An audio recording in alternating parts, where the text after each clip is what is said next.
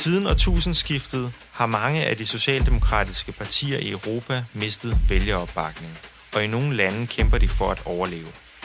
Mit navn er Niels Fuglsang, jeg er socialdemokrat og medlem af Europaparlamentet, og jeg spørger i denne podcastserie mine socialdemokratiske kollegaer fra Europa, What's Left? Hvad består den socialdemokratiske krise i, og hvordan kan vi komme tilbage på sporet?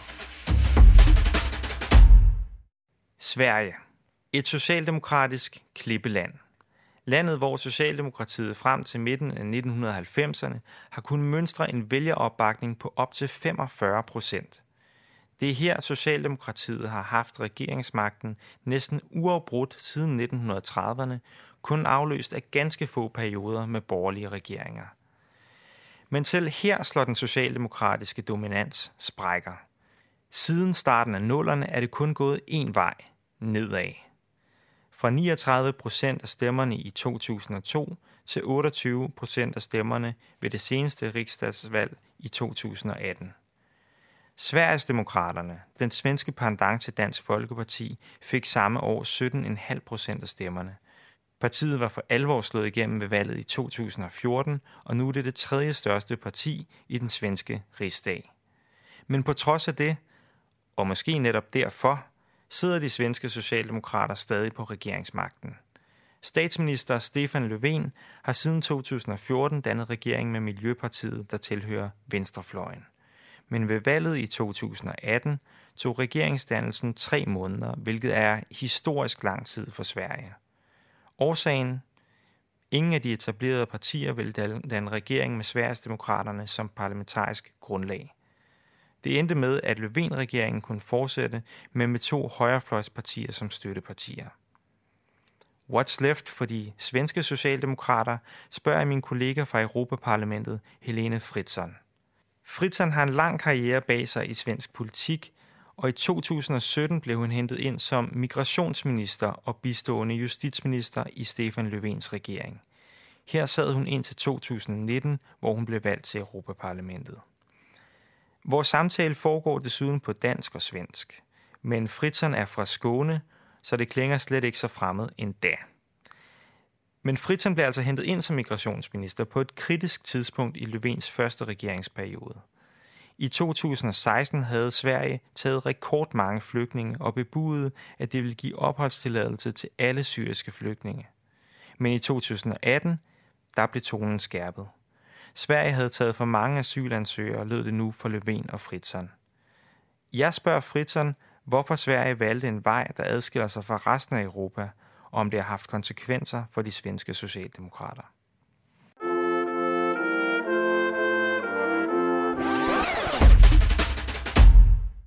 Det var ju 2015 när eh, det kom väldigt många flyktingar till Europa och sökte, sökte asyl på olika sätt i olika länder. Och eh, redan då upptäckte vi, det var ju framförallt kriget i Syrien som gjorde att, eh, att många sökte sin tillflykt till andra länder och då till Europa. Ehm, och där tog vi ju olika positioner i Sverige och Danmark.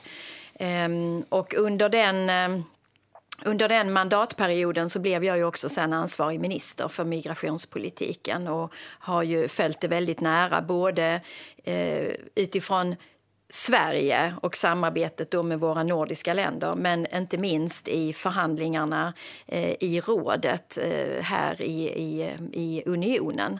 Um, och det jag, mitt krav i alla de förhandlingarna var ju att vi skulle ha en solidarisk och ansvarsfull migrationspolitik. För ehm, om man räknar på det så kan man säga att om, om alla länder tar sitt ansvar Eh, om och man gör en solidarisk fördelning då är det, då är det väldigt mycket lättare att, eh, att bära det gemensamt i EU.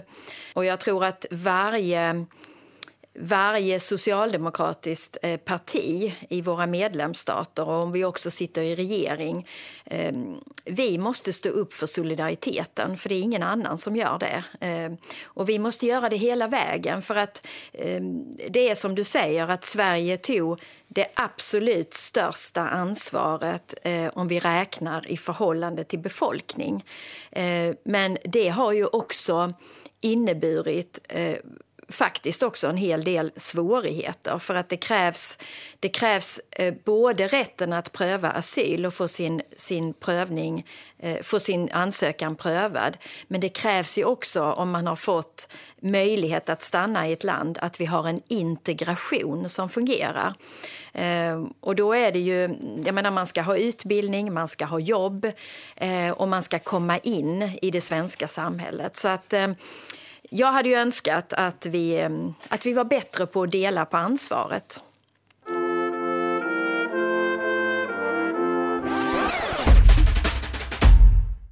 Fritzen håller alltså fast i, att de svenska socialdemokrater har en solidarisk förpliktelse till att ta emot flygtninge, och att Sverige måste ta ett större ansvar, där det inte var möjligt att lave en solidarisk fördelning av flyktingarna i EU. Men hun peger også på, at det er vigtigt med en effektiv integrationspolitik, og at Sverige skulle have haft større fokus på, at der også er et ansvar for at integrere sig. Jeg spørger Fritzon, hvordan hun opfatter Sverigesdemokraternes store fremgang i 2014 og 2018, og om det er en konsekvens af den flygtningepolitik, som Socialdemokraterne har ført. Nej, men jag, tror, jag tror egentligen eh, inte det. Eh, Sverigedemokraternas enda eh, viktigaste fråga är ju att vara emot invandring. Det är ju så man, man, det är deras program. Eh, men om man tittar på socialdemokratin inte bara i Sverige utan i hela Europa. Tittar man på, på norra norra Europa och tittar på, på Sverige till exempel så tror jag att man kan se att det finns brister i välfärdssystemet eh, som vi, om man ska vara självkritisk, eh, ibland har vi löst det med privatiseringar, eh, vi har löst det med liberaliseringar ehm, och så har det blivit ehm, det har blivit eh, sprickor i välfärdssystemet och det är klart att där kan Sverigedemokraterna använder ju rädslor. Eh, alltså man, man försöker ehm, eh, skrämma människor. Eh, man skräms med invandringen, man skräms med hoten om jobben eh, och man eh, målar ju ofta upp en bild av att vi är, socialdemokratin är någon sorts etablissemang. Mm. Ehm, mm. Och ehm, jag tror ju, jag tror ju att man måste jobba väldigt aktivt med välfärden, med mm. välfärdssystemet. Um, och ska, jag, ska man hålla ihop det så kan man säga att när jag började med att säga att när jag var liten flicka så hade vi 50 procent. Då hade vi också en lång period av högre skatter än vad vi har idag. Mm. Skatternas andel av heter det så på dansk, bruttonationalprodukt, ja. Ehm, eh, var då eh, också runt 50 procent mm. Ehm, och den är betydligt lägre idag. Så du peger på at der er kommet sprækker i velfærdssamfundet. Ja. Uligheden er steget, man har øh, haft en økonomisk politik, man har sænket skatterne og, mm. og øh, måske haft en lidt mere usolidarisk økonomisk politik. Og det er også noget, der styrker et parti som Sverigesdemokraterne, fordi mm. der er nogen, der er skuffet over mm. den politik. Og det tror jeg øh, personligt, at, at du, altså, det tror jeg, du har ret i, i, i, faktisk i forhold til en lang række lande, europæiske lande. Altså det, den, den historie har egentlig gentaget sig, tror jeg, man vil se øh, på tværs af Europa. Mm. Men kan det være, Helene, at det der med, med Sverigesdemokraterne, altså vi har jo, det er jo ikke bare i Sverige, at et parti som Sverigesdemokraterne opstår. Vi har øh, de her højre partier i en lang række lande. Mm kan det være, at, at når man ser de partier og deres vælgere, at det, der er en økonomisk forklaring på det, men det er ikke den eneste forklaring. Der, det, det er måske både og. Måske er det både, at der er nogle, nogle mennesker, der er blevet svigtet økonomisk. For eksempel, at, tror jeg, både i Sverige, men, men også i en række andre lande, ser man mere øh, kriminalitet og mm. bandekonflikter, for eksempel, blandt de øh, nye svenskere, der er kommet, og at folk reagerer mod det og siger, at det, øh, det vil vi ikke finde os i, og det skal, det skal stoppes. Tror du, at der kan være en, en tror du begge forklaringer kan, kan, kan holde vand?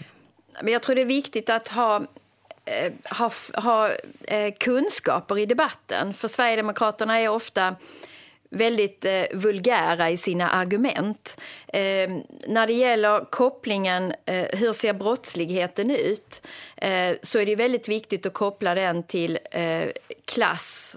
Alltså till om man är utsatt, om, vi har, eh, om man är fattig Alltså det finns ju liksom förklaringar. Det är inte ett försvar, men det finns ofta förklaringar mm. eh, där man måste faktiskt analysera dem. Det är väldigt enkelt om, om det händer en händelse där man kan säga att ja, men det här var Eh, det här var ett gäng pojkar med, med utländsk bakgrund som har kommit till Sverige som ensamkommande. Då får man en stor rubrik i tidningen och man kan påstå att eh, det här är, är, allvarligt för det hotar eh, svenskarna. Det, det, är klart att det är, en, det är en väldigt enkel retorik, det är en väldigt mm. enkel debatt. Eh, det är lite för enkelt att dra den slutsatsen men samtidigt menar jag att man ska vara vaksam. Eh, man ska inte heller hamna i ett läge där man förnekar. Det absolut största hotet mot ett samhälle i alla de frågor du ställer, mm. det är ju när ojämlikheten ökar. Mm. För om vi har ett ojämlikt samhälle, då ökar motsättningarna. Men i förhållande till det, du säger med, med øh, att ta ansvar för, för samfundet, och att alltså också øh, økonomisk, have en økonomisk politik, hvor man sørger for, at folks materielle vilkår blir bedre. Hvordan, øhm, hvordan ser du den situation i Sverige nu? Fordi øhm, noget af det, jeg synes er, er vældig interessant i Sverige, det er, at I har lavet øh, den, den regering, som I dannede i 2019, består jo, er jo lidt en nyskabelse, kan man sige. Den består af, i stedet for de to blokke, hvis man kan tale om en højre og venstre blok, så er det en regering med Socialdemokraterne i spidsen og så Miljøpartiet, men støttet af øh, de liberale og Centrumpartiet. Mm. Så den griber ind over midten. Og øh, Helene, øh, det, det vil jeg godt høre din holdning til, om, om det, hvad, hvad betyder det for evnen til at føre en progressiv øh, økonomisk politik? Hvordan ser du på det i Sverige? Hvordan håndterer I, I det i, mm. i den regering? Nej, men vi hade ju en, en väldigt speciell situation efter eh, valet eh, som var i september på hösten där. Sen tog det ju tre månader att faktiskt eh, veta om vi kunde bilda regering. Ehm, och även de, eh, de konservativa försökte ju bilda regering på den andra sidan. Ehm, så lång tid har det ju aldrig tagit eh, någonsin i Sverige. Um, och det är ju det är ju under senare år som vi har um, jobbat på den nationella nivån med att samverka om regeringsbildningen um, och regera tillsammans med andra partier. Däremot har vi gjort det i kommunerna och i regionerna under väldigt lång tid. Och jag är ju eh, hela min identitet är ju väldigt mycket en, en borgmäster. Eh, mm. Och jag har ju alltid varit väldigt pragmatisk. Jag har, jag har alltid eh, burits av att det är bättre att vara med och styra Eh, och leda arbetet i en kommun eller i ett land än att ställa sig vid sidan om och vara i opposition. Mm. Ehm, för en opposition förändrar ingenting i människors vardag utan det är bara en debatt. Mm. Ehm, och jag vill förändra för människor. Men det är ju inte alltid man får precis som man vill utan då måste man kompromissa. Och det är ju det man gör i en, i en regering där man samverkar. Ehm, men jag tror ju att det är bättre för svensk socialdemokrati att vara samman med med Miljöpartiet och ha stöd av Liberalerna och mitten, Centerpartiet, eh, än att gå i opposition. Um, för det som börjar hända i Sverige är ju att um, de, att Moderaterna, som de konservativa heter hos oss, mm -hmm. eh, de har ju sagt att de är beredda att regera med stöd av Sverigedemokraterna. Och då eh, har vi ju även krist, eh, det kristna partiet Kristdemokraterna. Som, och, och det är nytt? Det är, det är nytt, det är ganska nytt. Ja. Okay. Eh, och då kan man säga att det börjar bildas en väldigt, eh, en väldigt högerkonservativ allians på den kanten. Och man börjar från våra svenska partier gå över den där gränsen när man säger att ja, men vi kan ändå samarbeta med eh, Sverigedemokraterna. Och det är väldigt aktuellt just nu för att nu har, nu har Liberalerna eh, ett eget partievent där de ska ta ställning. Vi har ju, vi har ju valg eh, nästa år ja. Ehm, och då ska de ta ställning till om de ska sträva efter en högerkonservativ eh, okay. regering eller de ska fortsätta samverka med socialdemokratin.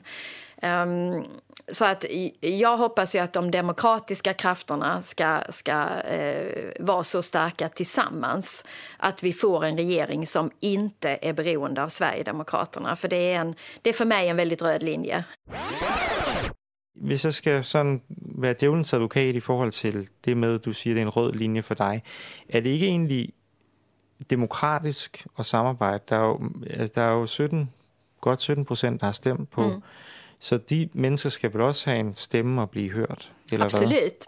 Absolut, det tycker jag. Eh, så att jag, jag tycker det är viktigt att ta debatten. Jag tycker det är viktigt att försöka eh, få över deras väljare till till mitt parti eller till de demokratiska partierna. Och det får man ju bara genom att man har en debatt. Att vara mot Sverigedemokraterna är för mig en självklarhet. Men jag är ju såklart inte eh, i konflikt med deras väljare för jag är ju intresserad av att deras väljare ska komma till en insikt om att det finns bättre partier mm. som bättre försvarar en, en, en, en jobbare eh, som eh, eh, jobbar på ett byggföretag eh, och vill ha, eh, vill ha rättigheter, sociala rättigheter mm. och utveckling för sin familj då är det ju tveksamt om man, man kan tycka att, att Sverigedemokraterna står för det. Utan då tycker jag ju att eh, då måste den, den politiska debatten leda till att man, man kommer fram till att det finns, det finns andra partier som står upp för arbetares rättigheter.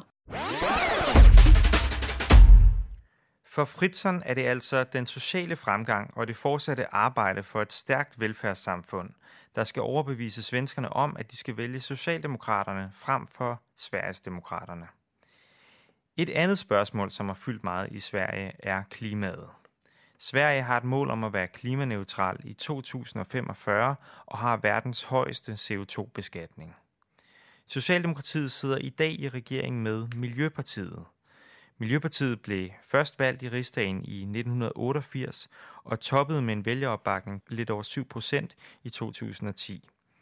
De har siden 2014 siddet i regering med Socialdemokratiet, og det er ifølge Fritzson en af forklaringerne på, at de ikke fylder mere i den svenske rigsdag. Jag var ju minister i regeringen då den hösten när eh, Greta målade sin skylt och satte sig utanför riksdagshuset. Mötte du henne eh, där? Ja, jag mötte henne där och jag, okay. jag pratade med henne. Ehm, och den första, de första veckorna hon satt där så hon såg väldigt ensam ut och det var inte så mycket kring det. Eh, och sen på väldigt kort tid så växte ju detta till en, en fantastisk rörelse. Mm. och hon satt där i i regn och blåst och snö och med sin stickade mössa och ja. sin... sin Skolstrejken. Ja, ja, och skolstrejken, ja precis. Eh, men det, det, har betytt mycket och jag tycker att det är väldigt, eh, väldigt värdefullt och viktigt för man ser eh, vilket genomslag det kan få, vilken betydelse det kan få. Så många, så många Gretor som finns ute i alla länder i världen eh, och som vill att vi som nu har ansvaret, det är ju du och jag Nils och många andra som har ansvaret att fatta kloka beslut eh, för framtiden och för, för alla. Jag tycker ju att nu när vi då vi är fortfarande mitt uppe i en kris, men när vi ska ta oss ur krisen då måste vi tänka nytt. Då mm. kan vi inte bygga den gamla ekonomin. Eh, då måste vi bygga den nya. den nya gröna ekonomin, den nya jämställda ekonomin. Ehm, och vi har en unik chans att göra det rätt. Och där tror jag, där tror jag socialdemokratin eh, ska ta, eller jag vill att socialdemokratin ska ta ledarskap för att eh, vi är ju den progressiva kraft som, som kan göra det och ska göra det. Sigmar Gabriel, den tidligere øh, øh, udenrigsminister i Tyskland og vicekansler, han sagde, at øh, Socialdemokratiet var blevet for postmoderne. Det han mente, sådan som jeg forstår ham, det er, at Socialdemokratiet går for meget op i sådan noget identitetspolitik. Det kan være LGBT-rettigheder eller øh, kamp for øh, forskellige minoriteter. Det er vigtige kampe, men måske har det domineret for meget i forhold til det, vi talte om før, altså de mennesker, der ser deres materielle vilkår blive svækket, øh, og føler måske, at øh, det er ikke dem, det handler om, eller de bliver måske efterladt lidt på perronen, mens at Socialdemokratiet har haft mm. fokus et andet sted. Har vi en udfordring der, eller, er det, eller øh, har, har Sigmar Gabriel fat i noget, eller, eller er det helt forkert, synes du? Det här är ju det, är en väldigt, det är en svår fråga du ställer, eh, och den är, men den är viktig. Um, när du beskriver den så, så kom jag att tänka på uh, min tidigare partiordföranden uh, som ju var kollega med Paul Nyrup Rasmussen en gång. Och det, uh, det är ju Göran Persson som, som var statsminister. Och han, han uttryckte det Eh, han uttryckte det så väl en gång om vårt parti, vårt socialdemokratiska parti. Han sa vi ska vara som en stor, stor kyrka, en kirke, där alla får plats. Um, och det där är, det är liksom en bild. Um, och jag tycker att det egentligen är en, vacker, en väldigt vacker bild av hur vi ska, vi ska fungera. För att det som, det som förenar oss är ju kampen om alla människors lika värde och kampen om att alla människor ska leva ett gott liv.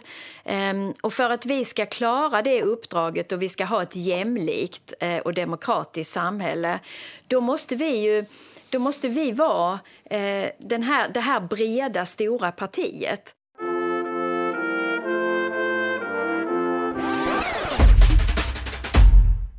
Fritzen ser altså ikke nogen modsætning mellem de nye dagsordner og den socialdemokratiske agenda. Socialdemokratiet skal være en kirke, hvor der er plads til alle. Selvom Socialdemokratiet i Sverige har de seneste år har mistet opbakning, så står de stadig og er blandt de stærkeste socialdemokratier i Europa. Og derfor spørger jeg hende, hvad hun tror, de socialdemokratiske partier i Europa skal lægge vægt på, hvis de gerne vil tilbage i Europa magten. Det vi har sett eh, är ju att när det går säm i takt med att det går sämre för Socialdemokraterna så sker detta när ojämlikheten ökar. Alltså det kan vi se tydligt. När skillnaderna ökar mellan grupper i samhället, då minskar förtroendet för socialdemokratin. Så vårt viktigaste är att vi, vi står upp för att ta kampen mot ojämlikheten. Och det kan man bara göra, tycker jag, på, på tre, det är tre viktiga punkter. Eh, det är välfärden eh, och välfärdssystemet. Att, att alla eh, har tillgång till en välfärd och den är ju så mycket. Eh, allt ifrån att man är, är, är barn eh, med förskola, skola till sjukvård, till äldreomsorg. Eh, att välfärden fungerar för alla i hela landet, i hela Europa. Eh, det andra är jobben. Eh, arbetslöshet är ett gissel. Arbetslöshet är det, det värsta som människor kan hamna i. Så eh, jobben. Och i det ligger ju naturligtvis allt detta om att män och kvinnor ska ha samma möjligheter till ett heltidsjobb och samma lön och så. Eh, sen skulle jag vilja säga att det handlar om, om tryggheten. Eh, så eh, jobb, välfärd och trygghet. För trygghet är det som, som gör att vi fungerar i ett samhälle. Eh, att man kan få Eh, att man kan få sin första, första bostad, att man kan eh, vara trygg med att man får leva det liv som man vill, som kanske inte är, är den så kallade normen, men som, som ger ett, ett tryggt och fint liv till den enskilde. Så att kampen mot ojämlikheten, eh, den är den är vår viktigaste utmaning och då tror jag att, att tar vi den på riktigt, då är vi också ett starkt socialdemokratiskt parti. Helin Fritzen, tack för de råd och tack för att du ville komma här till podcasten. Det har varit en förnöjelse. Tusen tack. Sådan slutter min samtale med Fritzson. Hun holder altså fast i, at velfærdsstaten og det at skabe et lige og inkluderende samfund, det er grundpillen i Socialdemokratiet. Og så skal resten nok ordne sig. I Italien står det sløjt til for Socialdemokratiet. Ved det seneste valg fik de 19 procent af stemmerne, hvilket var en tilbagegang på 6 procentpoint. En høj arbejdsløshed, populisme og politisk fragmentering plager landet. Så i næste afsnit af podcasten tager jeg en snak med min italienske kollega, Brando Benefai, om vejen for de italienske socialdemokrater.